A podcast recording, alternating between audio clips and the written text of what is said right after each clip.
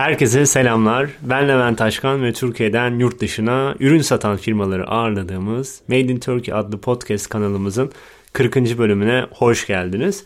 Bugünkü konuğumuz Expinno firmasının kurucusu Arda Uzun.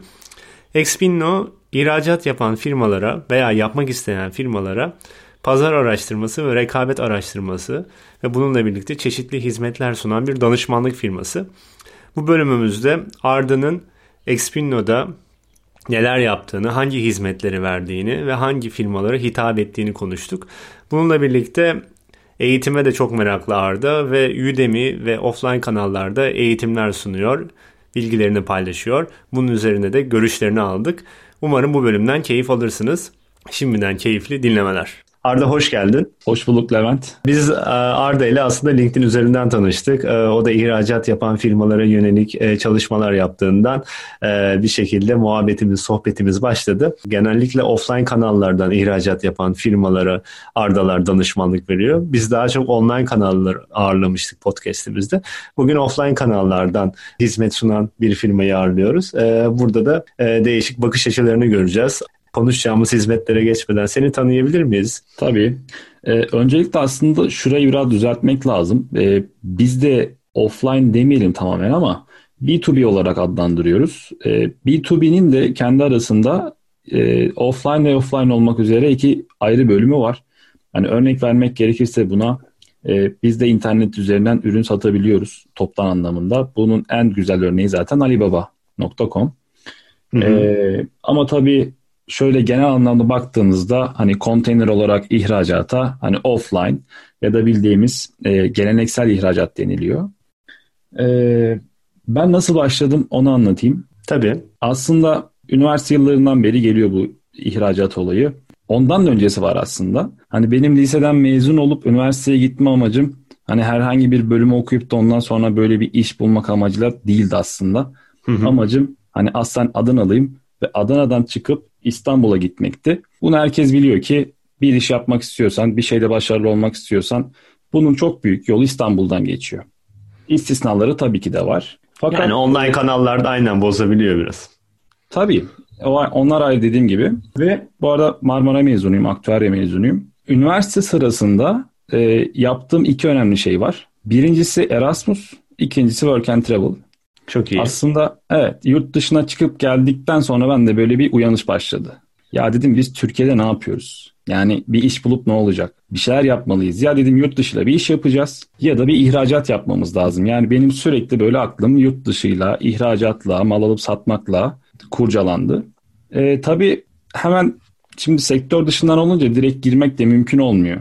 Bu Türkiye'de aslında büyük sorunlardan bir tanesi. Genelde mezun olduğunuz bölümden bir iş yapmanız bekleniyor ve onunla alakalı stajlar yapıyorsunuz. Benim bölümüm aktüerya ve bu banka sigorta alanında e, bir meslek grubu diyebiliriz. Fakat ben o topa hiç girmedim. E, yaptığım birkaç staj oldu ama o alanda iş anlamında hiç çalışmadım. E, çalıştığım sektörler yine ileriye dönük hani satış odaklı işlerdi. Sonuçta satışı öğrendiğinizde şartlar genel itibariyle aynı oluyor. Yani ürün değişiyor ama %80'i 90'ı bunun mantık olarak aynı oluyor. Dolayısıyla evet. ben birkaç sene böyle sahada çırpınınca tabii askerlik falan da aradan gittik geldik çıkarttık onu da. Sonra böyle bir boşluk oluştu. Hani yavaş yavaş zamanı geldiğini hissediyorsun bir şeylerin. Ben yavaştan eğitimlerle böyle hani ücretsiz eğitimlerle, ücretli eğitimlerle ufak ufak başladım. Ve aldığım bir eğitimde de çok uzun soluklu bir eğitimdi. Ee, yaklaşık yani 4-5 ay sürdü. Bu eğitim süresince ihracat eğitimden bahsediyorum tabii ki de. Eğitim sırasında hiç ihracat yapmamış birisi olarak ihracat yaptım. Nereden yani, eğitim aldın bu arada? Nereden Ve ne üzerine aldın? Ee, ihracat üzerineydi eğitim ama bir ticaret odasının bir eğitimiydi aslında. Yani özel bir eğitim değildi. Orada ihracatın nasıl yapılacağına yönelik miydi eğitim? Aslında A'dan Z'ye bir eğitimdi. Yani genel olarak hiç bilmeyen bir kişi nasıl başlardan tut da bunun lojistiği, gömrüğü, tüm süreçten anlatan bir eğitimdi. Ben eğitim Hı-hı. sırasında bir e, başarı sağlayınca, ihracat yapınca böyle bir wow efekti gibi bir şey oldu. Yani daha önce hiç ihracat yapmamış birisi bu kadar kısa bir sürede nasıl yapar gibi. E, sonrası tabii geldi. Nasıl geldi onu anlatayım. Eğitim bittikten sonra ya millet nasıl yaptığımı soruyor tabii de. Ben de anlatmayı severim biraz. Anlatıyorum. Ne satıyordunuz bu arada? Ne satıyorduk? O zaman e, erkek giyim üzerine bir e, tekstil ürünüydü. İspanya'ya gönderim olmuştu. E, sonrasında millet bana sordukça ben anlatmaya başladım. E tabii bunu anlat anlat hani bir yere kadar hikayeleştirip anlatıyorsun işte olay nasıl olduğunu, nasıl yapmaları gerektiğini. E, çok soran oluyordu ve o sıralar zaten bu döviz mevzusu diyeyim böyle artmaya başlamıştı. Ki ne zaman bu tarz bir dövizde dalgalanma olsa hani ihracat, ithalat direkt milletin aklına ilk gelen konulardan bir tanesi oluyor. Ee, sonra dedim ki ya ben bunu bu kadar anlatıyorum ve madem öyle ben bunun eğitimini vereyim. Şimdi ben biraz da üniversite yıllarında aslında ondan hiç bahsetmedim ama kendim böyle iki yıllık arkadaşlarımla bir organizasyon yapmıştık. Sürekli işte yurt dışından gelen öğrenciler için e, işte partiler, geziler vesaire gibi organizasyon içinde yer almıştım. E, oradaki deneyimi tutup hani dışa dönük bir insanım. Dedim ben bunu eğitimini veririm. Yani tamamen maliyetine bir eğitim yaptım. Hani bunun işte salonu, e, faturası, giderleri falan çık. Bana hiç para kalmadı. Deneyim kazanmak amaçlı bir eğitim yapmıştım. Ne anlattın eğitimde? Nelere değinmiştin? Yani aslında en çok merak edilen konu tabii nasıl sattım olunca hani nasıl müşteri bulunur, nasıl pazarlama yapılır gibi böyle e, para kazanmaya yönelik sorular. Kimse şey tarafını sormuyor zaten sana. İşte bu mal nasıl gönderiliyor demiyor. Herkes nasıl müşteri buldu, nasıl sattın peşinde olduğu için onu soruyorlar. Aslında o zaman ticaret odasında edindiğin deneyimle birlikte bu ürün satma sürecindeki e, gözlemlerin ve deneyimin doğrultusunda öğrendiklerini aktarıyordun. Aynen öyle. Tamam sonra bu zaten yavaş yavaş büyüyor değil mi? Sonra yavaş yavaş büyüdü. Hani benim amacım gerçekten hiç e, bu tarafta olmak değildi. Yani işin ilk başından bahsediyorum. E sonrasında LinkedIn'de ben bunu yayınladım. Yayınlayınca başka şehirlerden sormalar başladı. Hani ben direkt böyle bir öğretmen hoca edasında sorular almaya başladım. İşte İstanbul'da yapmaz mısınız? Ankara'da yapmaz mısınız? İzmir'de yapmaz mısınız? gibi farklı farklı böyle hatta küçük şehirlerden bile sorular geldi. Çok iyi. Ee, evet çok enteresan. Bayağı bir taleple karşılaşınca dedim ben bunun hani farklı şehirlerinde yaparım. Zor değil ama e, bir denemek lazım, görmek lazım gibi. E, nitekim yaptık. Nasıl yaptınız evet. onu? Anadolu turuna mı çıktınız yoksa internet üzerinden mi? Yok yani Anadolu turu gibi değil ama hani e, bir yerde talep oluştuysa orayla alakalı bir deneme yaptım. Bir afiş oluşturup baktım bir talebe. 3-5 e, kişi var olunca da atlayıp gittim. Adana'da da yaptın değil mi sen bunu? İlk Adana'daydı zaten. Ondan sonra İstanbul, İzmir, evet, Ankara'da. devamı geldi. Tabii. Ee, ve şöyle bir şey oluyor. Ne zamandır veriyorsun? İki, iki buçuk yıl oldu galiba. Toplamda kaç kişiye vermişindir? Var mı öyle kafanda bir sayı? Kafamda sayı hiç yok. Çünkü neden yok? Ee, şimdiki durum hani online ve offline işte e, videolarla birlikte çok daha fazladır. Udemy'deki birkaç eğitimimi hani 2000-3000 kişi falan aldı toplam. Sonrasında şöyle bir şey oldu. Daha önce galiba başka bir podcast'te veya buradakinde dinlemiş olabilirim. İnsanlar eğitimi alıyor. Tamam diyorlar çok süper güzel eyvallah ama biz bunu nasıl yapacağız? Eğitime gelenler de öğrenci de var. İş bulmak için eğitim almak isteyen de var. Patron da var. E, çalışan da var. Var da var. Şimdi patronlar genellikle bu işi yapmak istemiyorlar. Çünkü çok zaman alan, analiz gerektiren, bazen de yabancı dil gerektiren işler oluyor ya biz bunu yapamadık ama hani ya da güzel yapabiliriz ama sen bunu bizim yerimize yapsan mı diye teklif edenler oluyor. Zaten sonraki süreç danışmanlık olarak ilerliyor. Aslında sen eğitim modeliyle danışmanlık vereceğin kişileri belirliyorsun. Yani danışmanlık verdiğin firmalar diyelim ağırlıklı olarak belki de senin eğitimine ilk başta katılanlar oluyor. Aslında yani evet böyle oldu. İlk aşamada böyle oldu. Danışmanlık tarafında neler veriyorsunuz? Danışmanlık hizmeti olarak sunduklarınız neler? Danışmanlıkta aslında bizim hizmet verdiğimiz bir 6-7 kalem var. Bunları şöyle özetleyeyim. Örnek veriyorum. Bizim en çok talep aldığımız konulardan bir tanesi. Ya benim ürünüm var. Biz bunu nasıl yurt dışına satarız oluyor. Orada birincisi pazar araştırması yapıyoruz. Bunun rapor hı hı. şeklinde bir hazırlanması oluyor tabii ki de. Online'da mı, on, offline'da mı? Ona da istersen değinelim. Yani online ve offline'da izlediğiniz model aynı mı, farklı mı? Ee, aslında ikisini biz birleştiriyoruz ama biz hani e-ticaret tarafında işin hiç yokuz. Daha önceki senin ve buradaki podcastlerin hepsini dinledim. Ee, yazılım üzerine oyun tarafına ya da hizmet tarafına bir şu anlık çalışmamız yok. Yani bizim e, verdiğimiz hizmetlerde somut bir ürün olması lazım. Siz o zaman yurt dışında pazar araştırmasını yapıyorsunuz bu somut bir ürünün. Tabii ki de yani insanlar çünkü e, bunu yapamıyorlar. En büyük sorun buradan başlıyor. Hani 200'den fazla ülke var dünyada. E, bunun hangisine satacaklar? E, genelde şöyle bize geliyorlar. Ya işte bizim hedef pazarımız belli gibisinden. Ve onların belirlediği kriterlerle bizimkiler arasında çok fark var. Tabii ki de uyuşanlar var. Örnek veriyorum işte bir fuara katılıyor yurt dışında veya Türkiye'de. O fuara gelen kitleyle kendisinin hedef pazarı olduğunu düşünüyor. Bu bir kısım doğru bir kısım yanlış bir bilgi. İkincisi rakibinin yani Türkiye'deki yerli rakibine bakıyor. İşte yan komşusu atıyorum bir sanayi sitesindeyse veya bir arkadaşı nereye satıyorsa o da diyor ki ya benim ürün de oraya gider. Bu ikinci unsur. Üçüncüsü de ya işte bizim bir tanıdık var Almanya'da, Norveç'te. Hani nasıl satarız oraya gibisinden oluyor. Bunların üçü de yanlış değil ama üçü de tam doğru değil. Yani bizim aslında hedef pazar araştırırken baktığımız e, veriler çünkü biz veriyle ilerliyoruz. E, bunlar değil. Ama sonucunda bunlarla birlikte birleştirip bir e, yorum çıkartıyoruz. Siz bu araştırmayı yaparken hangi verilere bakıyorsunuz? İlk başta onu öğrenmek istiyorum. Bununla birlikte de bu araştırmayı nasıl yapıyorsunuz? Yani bunu size sağlayan belli araçlar mı var? Aslında bunu bize sağlayan ücretli ve ücretsiz kaynaklar var internette. Önemli olan zaten bunları bir, nasıl bulabileceğimiz, iki, nasıl yorumlayabileceğimiz. Ee, bunlar tabii genellikle big data verileri. Ee, çok büyük verileri biz toplayıp, işleyip e, sade bir hale getiriyoruz. E, ne tarz verilere bakıyoruz onları söyleyeyim ben. Ürününüzün hani sizin ürüne ait, o ürüne ait alıcı ülkeler hangi ülkeler? Türkiye nerelere satıyor? Hangi pazarlar büyüyor, hangileri daralıyor? E, rakipler nereye satıyor? Mesela rakibiniz hani diyelim ki makine üretiyorsunuz ve Almanlar sizin İtalyanlar rakibiniz. Onlar nereye satıyor? Onların daralıp Türkiye'nin pazar aldığı yerler var mı? Hangi pazara girmesi zor, hangisi daha kolay? Hangisi daha karlı, hangisi daha uzak, daha yakın?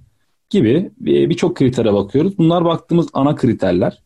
Bunların yanında baktığımız ve ürüne göre çok değişen birçok kriter var. Yani bunun aslında A artı B eşittir C gibi net bir formül de yok. O zaman yaptığınız araştırma doğrultusunda karşı tarafa hangi ülkelere girmesi gerektiği doğrultusunda bir bilgi veriyorsunuz. Evet ve firma bunu belirliyor. Yani bizim belirlediğimiz hedef pazarda e, belli sayıda ülkeler oluyor. Fakat nihai sonucu gene firma veriyor. Çünkü bizim bulduğumuz sonuçta şöyle bir veri oluyor Levent. Biz diyoruz ki işte senin hedef pazarların Rusya, e, Dubai gibi ülkeler olabilir diyoruz. Ve firma diyor ki işte örnek veriyorum Arapça bilgim yok. Hani Arap Yarımadası'na çok oyalanmayayım gibi kendi kriterleri olabiliyor. Bunu dini, siyasi, dil bakımından veya uzaklık mesela şunu diyen bile oldu. Ya işte biz Avustralya'ya mal satmayız. Sebebi şu. Yani biz de oraya gitmeyiz. Oradan da buraya müşteri gelmez. E bizim ürünü de görmek lazım. Hani öyle uzaktan satılmıyor. Orayı eleyen bile oldu mesela hedef pazar olarak. Peki pazar araştırması dışında hangi hizmetleri sunuyorsunuz? Ya şimdi aslında pazar araştırmasının devamı da var. Bu süreç şöyle gelişiyor. Hani pazarı buluyoruz. Bu sefer de hani e ne yapacağız gibi oluyor. Sonuçta elde sadece bir ülke listesi oluyor. E, bu arada ülkedeki hani ithalat vergi oranları oraya mal satacak olduğumuzda oradaki belgeler, prosedürler neler vesaire bunların hepsini ıvır zıvır araştırıyoruz.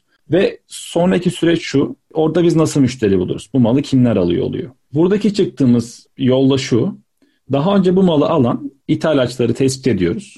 Bunlar nasıl tespit ediliyor onları da söyleyeyim. Bu e, ticari istihbarat denilen aslında çok yeni bir akımın e, sonucu. Şu anda bizim ihracatta iki türlü belgemiz var. Bunlar hani dinleyicilere biraz yabancı gelebilir ama açıklayayım.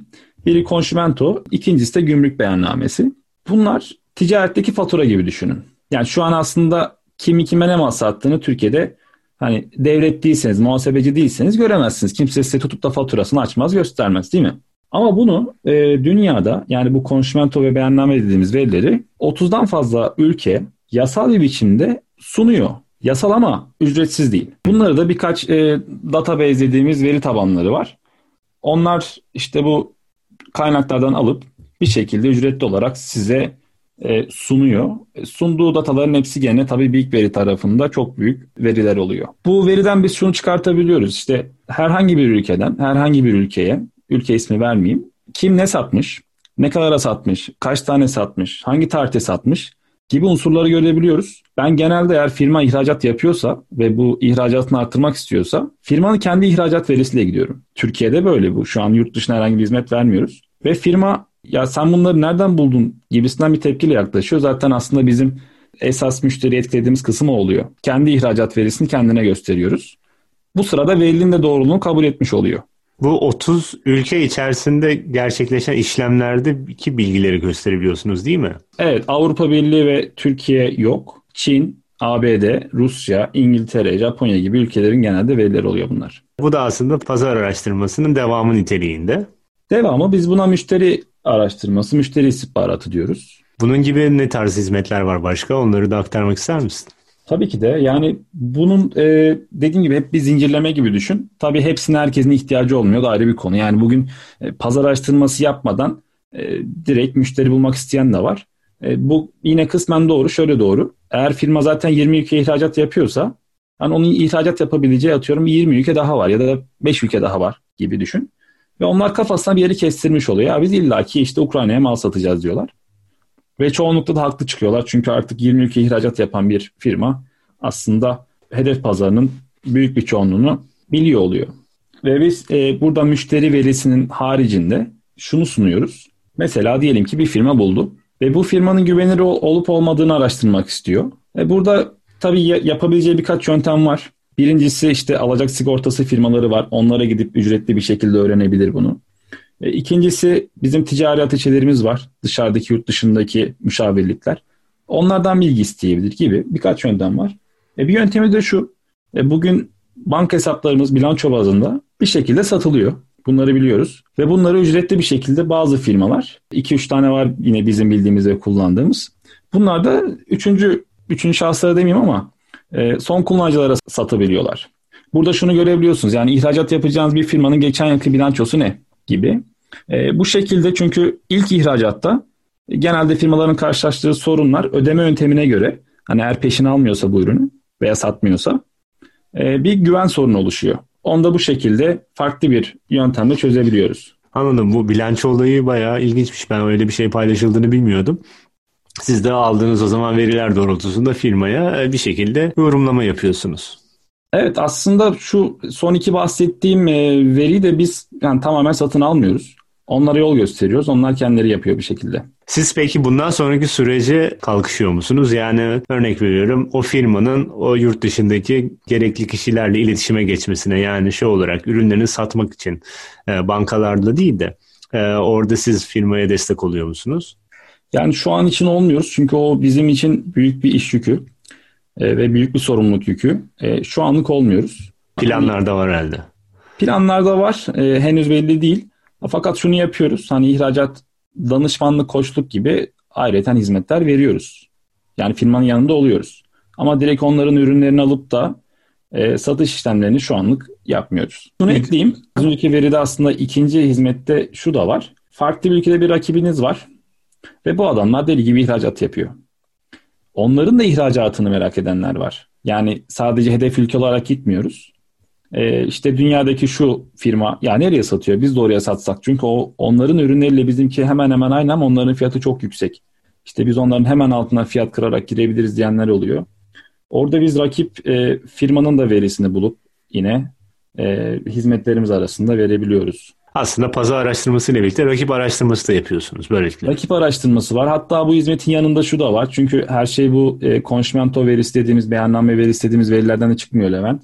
E, bazen çok zorlandığımız ürünler oluyor. Onu da şöyle çözüyoruz. Mesela bazı internet siteleri hani bilirsin, bunu herkes bilir aslında. Böyle bayilerini, distribütörlerini falan öve öve yazarlar. Değil mi? Özellikle çok büyük firmaysa ve hani aralarında çok sağlam böyle sözleşmeler varsa çok rahat yazar. Ama bu COBİ'lerde durum böyle işlemiyor. Yani kimse bayisin distribütörünü yazmaya cesaret edemiyor. E, çünkü arada genelde bir sözleşme olmuyor. Sözleşme olsa çok büyük bir yaptırım olmayan sözleşmeler olabiliyor. Veya şöyle bir şey oluyor hani sen benim bayimsin ama başka birine bayilik veremezsin, alamazsın gibi bir durum olmuyor. E, bu durumda neye sebep oluyor? Herkes birbirinin müşterisine aslında teklif verebilir anlamına geliyor. Bunu e, web siteleri şu anda yazmayabilir. Hani benim bayim şurası, benim distribütörüm bu gibi yazmayabilir. E, biz internetten de bunun araştırmasını yapıp yine onların da e, çeşitli bilgilerini edinebiliyoruz. Biz verdiğimiz hizmetler e, çok çeşitli ve genelde bilinmeyen yönler. Hani Google'a nasıl e, yapılır dediğinde bulunmayan bilgiler. Ve sen aslında bu bilgilerin 101-102 seviyesinde online'da da veriyorsun değil mi? Udemy'de de paylaşıyorsun. Orayı da atlamayalım. Evet, e, Udemy'de var e, birkaç eğitimim. Fakat yakın zamandaki planım bunun hepsini e, kendi web sitemizde offline bir biçimde hani A'dan Z'ye tüm bildiklerimi aktarmak. Çünkü hmm. bana bununla alakalı çok talep geliyor. Ve hani eğitim verebileceğim bir 5-6 konu başlığı var. E, şu an bu koronavirüsten dolayı online eğitimler yaptık. E, yakında da işte tüm eğitimler offline'e çekip kendi web sitemde e, bir şekilde sunmak istiyorum. Çünkü şöyle bir şey oluyor Levent. Aslında sınıf eğitimleri çok güzel geçiyor. Ama bu sefer de örnek görüyorum Bolu'daki ya da Sivas'taki işte e, Antep'teki bir kişi eğitime katılamıyor. E, o şehirlerden çok talep gelmediği için oralara bugüne kadar hiç gitmedik. E, bunun da bir faydası oluyor. Yani offline offline dediğim benim Udemy tabii. Sınıf eğitimler ayrı.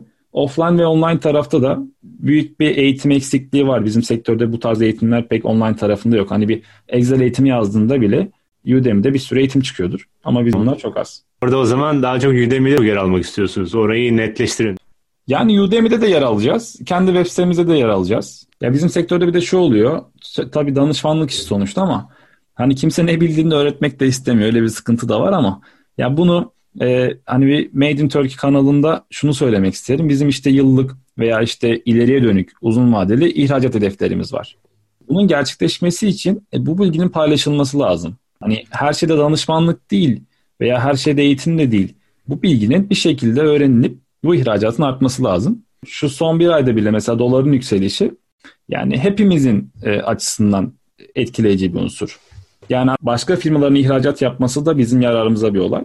E, bundan dolayı da biz aslında bildiğimiz aktarmaya elimizden geldiğince çalışıyoruz. Aslında yani maksat ülkeye fayda sağlaması. Doğru anlıyorum değil mi? O da var ee, tabii. Yani manevi tatmin de bu işin bence çok güzel. Biz bu zamana kadar dediğim gibi hep online taraflarda çalışmalar yapan kişileri ağırlamıştık. Ee, sizinle de böyle e, yeni bir şeye başlamış olduk. Belki ilerleyen dönemlerde offline'da da böyle güzel çalışmalar yapan firmaları, kişileri ağırlayabiliriz. Ee, benim çok fazla evet. sorum kalmadı. Senin e, eklemek istediklerin var mı bugünkü konuşmamız üzerine? Ee, ya bizim şöyle bir amacımız var. Hani yaptığımız işi otomasyona bağlamak istiyoruz bir şekilde yazılımla. Mümkün olduğu kadar diyelim. Onunla alakalı bizim aslında bir yazılımcı arayışımız da var. Hani bu podcast evet yayınlanacak belki çok uzun süre sonra izleyenler olabilir ama hani kısa vadede SAP.NET bilen bir yazılımcı arıyoruz. Henüz bulamadık. Ee, onunla da alakalı bir duyuru yapmış olayım. Onun haricinde yani iletişim bilgisi de verebilirim. Benle iletişime geçmek isteyen arkadaşlarla. İlla kişi olarak düşünmesinler. Hani danışmanlık veya eğitim olarak değil. Bana aklına takılan her türlü soruları da kendileri sorabilir. Elimden geldiği yardımcı olmak isterim. Bir de şöyle bir şey var. Ee, bizim araştırmada hani bu e, pazar araştırmasında kullandığımız birkaç kaynak belki e, hizmet, yazılım e, veya hani dijital ürünler diyeyim daha çok e, araştırmasında kullanılabilir. Yani biz evet hani somut ihracat, somut ürünler için bunu kullanıyoruz. Ama e, çoğu rapor, çoğu araştırma e, verisi bence e, dijital taraftaki ürün araştırmaları için de kullanılabilir. Örnek veriyorum şöyle veriler var. Hani arkadaşlar da en basit şekilde söyleyeyim. İşte e, ülkelerin GDP oranları gibi böyle çok basit veriler vardır. Hani bu bizim etki bu, bu bizim için etkili olduğu kadar her ürün için geçerli ürün e, kriterler olabilir. Bunun gibi şeylerden bahsediyorum. E, Mustafa Arda Uzun at expinno.com e, Expinno şöyle yazılıyor. Hani genelde karışık olduğu için söyleyeyim. Export Innovation'ın birleşimi. Expinno iki neyle yazılıyor. Ve ortasında X var. E, .com adresinden bana da mail atabilirler. İletişime geçebilirler. Tamamdır. Ben zaten bu linkleri detaylar kısmında da paylaşacağım. Hem Udemy derslerini hem mail adresini. Bu şekilde seninle temasa geçebilirler. Süper olur. Ediyorum. Ben teşekkür ediyorum vaktini ayırdığın için. Rica ederim. Bölümü dinlediğiniz için teşekkürler. Made in Turkey podcast'inin yeni bölümlerinden ilk haberdar olmak isterseniz şu an bizi dinlediğiniz platform üzerinden takip et butonuna basabilirsiniz. Bununla birlikte sorularınız veya yorumlarınız olursa da bize selam et madeinturkey.xyz veya twitter.com slash madeinturkeyxyz URL'sinden ulaşabilirsiniz. Görüşlerinizi ayrıca iTunes platformu üzerinden de paylaşabilirsiniz. Önümüzdeki hafta görüşmek üzere.